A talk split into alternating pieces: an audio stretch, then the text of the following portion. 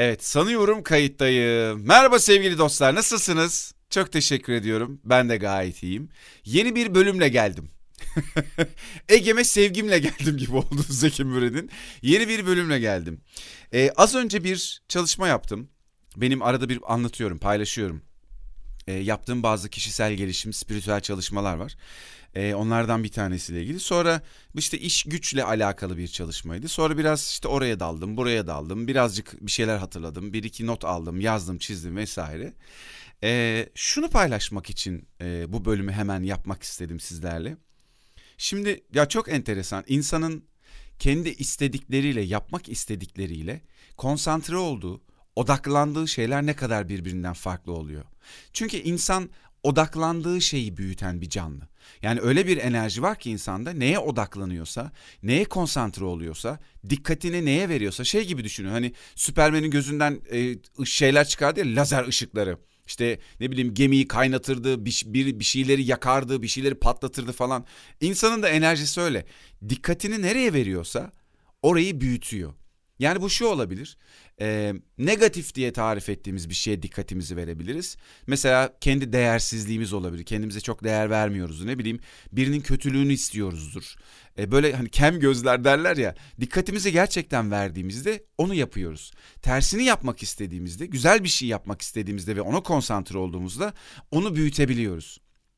Şimdi kendi kariyerimize bunu ben kendi kariyerimle ilgili anlatacağım size ama siz bunu herhangi bir konuyla ilgili düşünebilirsiniz hayatınızda. Ee, ben de gençlik zamanlarımda yani üniversitede çalışırken, üniversite sonrasında İstanbul'a giderken amaçladığım pek çok şey vardı. İstediğim daha doğrusu yani işle alakalı ve iştahımı kabartan seslendirme, oyunculuk, işte radyo programı vesaire böyle çocuk gibi oyun oynar gibi bunları yapmayı çok istiyordum. Yani onlar benim için gerçekten oyundu. Yani İstanbul'a gideceğim. E, yani İstanbul'a gitmekle ilgili plan yapmak, program yapmaktan ziyade ne istediğimle sadece ilgileniyordum aslında. O zaman çok insan bana yaşlı gitme 2001 zamanıydı. Ee, sene 2001 işte kriz var ülkede işte medya çok kötü durumda krizden dolayı insanlar işten çıkarılıyor şu bu falan. Hiçbirini görmüyordum ben. Çünkü tek istediğim, tek konsantre olduğum şey işimi yapmaktı. O sevdiğim şeyleri yapmaktı. Hani o bakınca büyütürsün ya. Sadece gerçekten ona bakıyordum ben. Ama az önce bu e, kariyerimle ilgili, kendimle ilgili, çalıştığım insanlar, sektöre bakış açım, kendime bakış açımla ilgili pek çok şey fark ettiğim az önce yaptığım çalışmada e, bir sürü negatif duygular var, düşünceler var, insanlarla ilgili, sektörle ilgili vesaire. E, ben zaten girip girip bu piyasada çalışmaya başladıktan sonra benim biraz dengem bozuldu.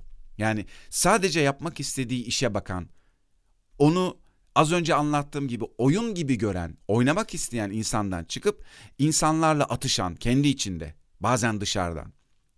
Ee, birilerini beğenmeyen, kendi önünde engel olduğunu düşünen, çalışma tarzlarını beğenmeyen, ona takılan, buna takılan yani odak noktam yapmak istediğim işten çıktı, dağıldı.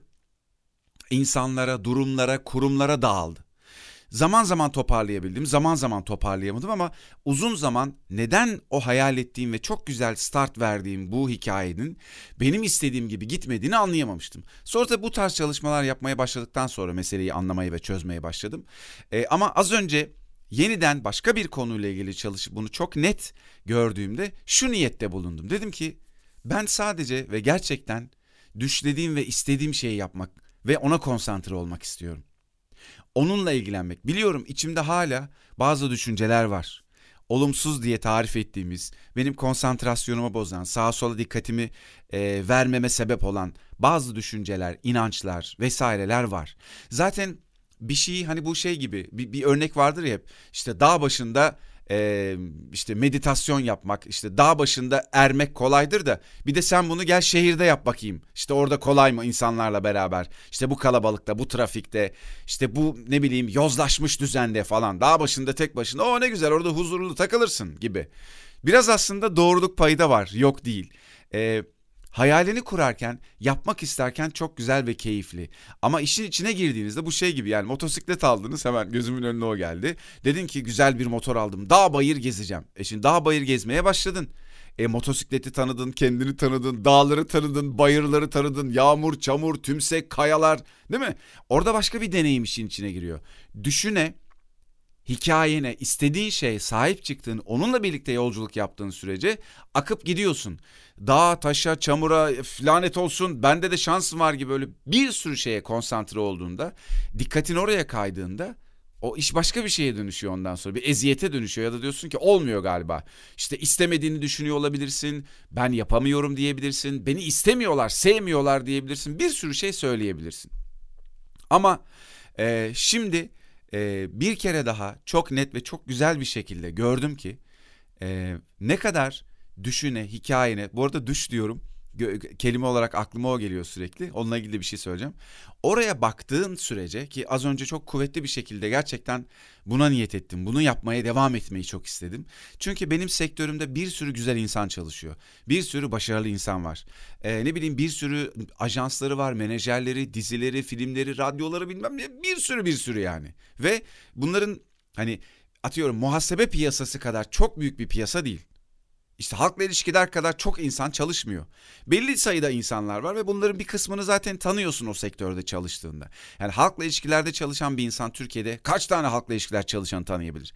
Ama ben mesela bu yaptığım işlerde bir sürü insan tanıyorum. Çünkü sektörümüz öyle Türkiye'nin büyük bir kısmı değil çok küçük bir kısmı bu işleri yaptığı için birbirimizi de tanıyoruz. Ee, bu anlamda çok güzel çok keyifli insanlar var. Ee, sen kendini biraz geride ezik hissettiğin zamanlarda, güvenmediğin zamanlarda diyorsun ki ne çok insan var bu insanlardan bana sıra gelir mi? Böyle şeyler olur mu? Mesela bunları ben hep düşündüm, düşündüğüm şeyleri örnek veriyorum.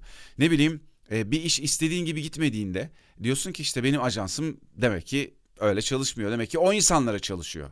Ne bileyim başka ne olabilir aklıma gelen?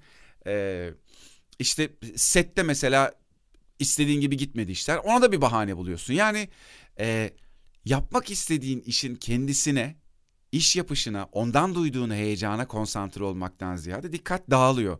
Zaten bizim iş hayatında aslında çoğumuzun bence en çok zorlandığı şeylerden biri bu. Sadece iş hayatında da değil, büyüdükçe çünkü çocukken daha böyle şeyleri düşünmüyoruz. Daha oyun odaklı yaşıyoruz hayatımızı. Evet ama daha sonra işin içine rekabet, eğitim, yarışma, puan, şu bu falan girmeye başladığında başka birilerine dönüşmeye başlıyoruz. O da bizi bu noktaya da getiriyor bir taraftan. Ee, ama bunlar tabii çok güzel deneyimler. Yani bunu çözdüğünde şunu anlıyorsun. Sen sahnede diğer oyuncu arkadaşlarına oyun oynayan bir insansın ve ha- gerçekten hayat bir tiyatro sahnesi. Ve sen rol yaptığını, bir karaktere büründüğünü, gerçek senin o olmadığını anladığın an oyundan keyif almayı. Öncelikle oyun olduğunu anlayıp sonra ondan keyif almaya başlıyorsun ve diyorsun ki evet gerçekte ben bu değilim. Oynayacaksam tadını çıkarayım gerçek kendimin de ne olduğunu madem farkındayım o zaman istediğim gibi gönlümden geçtiği gibi oynayayım bu oyunu. Bu arada düş düş demişken hemen e, bu çalışma yaparken yanı başımda da Tanrı, Tanrılar Okulu kitabı vardı. Çok meşhur bir kitaptır. Aranızda belki okumuş olanlar, okuyanlar ya da e, bilenler vardır. Tanrılar Okulu yine spiritüel e, dünyanın çok e, tanınmış kitaplarından bir tanesi. Bu aralarda onu karıştırıyorum biraz. Orada da var. Dreamer var orada bir karakter. Dreamer düşleyen. O da hep şey anlatır yani düşün gerçek olduğunu. Hayatı gerçek kılanın düşler olduğunu. Düşüne sahip çıkmak gerektiğini vesaire. Tabii bu düş dediği aslında yine e, içimizden gelen o yapmak istediğimiz şeyi anlatıyor. Dreamer burada e, ne istiyorsun? Neyi çocukça, heyecanla, keyifle istiyorsun? Belki çoğumuz çalışırken, yaşarken bunu unuttuk bile. Unutuyoruz. Ne istiyordum ben? Ne yapmak istiyorum ki? Yani ne istemediğimizi biliyoruz da ne istediğimizi hatırlamıyoruz belki. Çünkü çok geride, çok çocukluk zamanlarında bıraktığımız şeyler oluyor bunlar. Hayatın gerçekleri diye bir şeyleri tutunuyoruz, sarılıyoruz ve o öyle devam ediyor. Sanki tek gerçek oymuş gibi. Dreamer der ki, senin düşün gerçektir. Gerçeği o belirler. Sen belirlersin. Senin düşün. Hepimizin içinde de bir düş var. İşin güzel ve kolay kısmı da bu. İçinde bir amaç, bir heyecan, heyecan duyduğumuz şeyler var. Bunlar doğuştan bizimle beraber geliyor. Default. Öyle derler ya doğuştan. Yani atıyorum o, onu hep küçükken heyecan duyardık. Ee, bir şeye karşı sen bir heyecan duyarsın. Mesela küçük bir çocuk vardır köpek gördüğünde dişleri kamaşır heyecanlanır hemen onu böyle kucaklamak sevmek ister. Bir tanesi kaçar öbürü başka bir şeye heyecanlanır. Biri boyama kalemlerini alır ve sabahtan akşama yani hepimizin içinde yapmaktan hoşlanan, hoşlandığımız şeyler çok net belirli.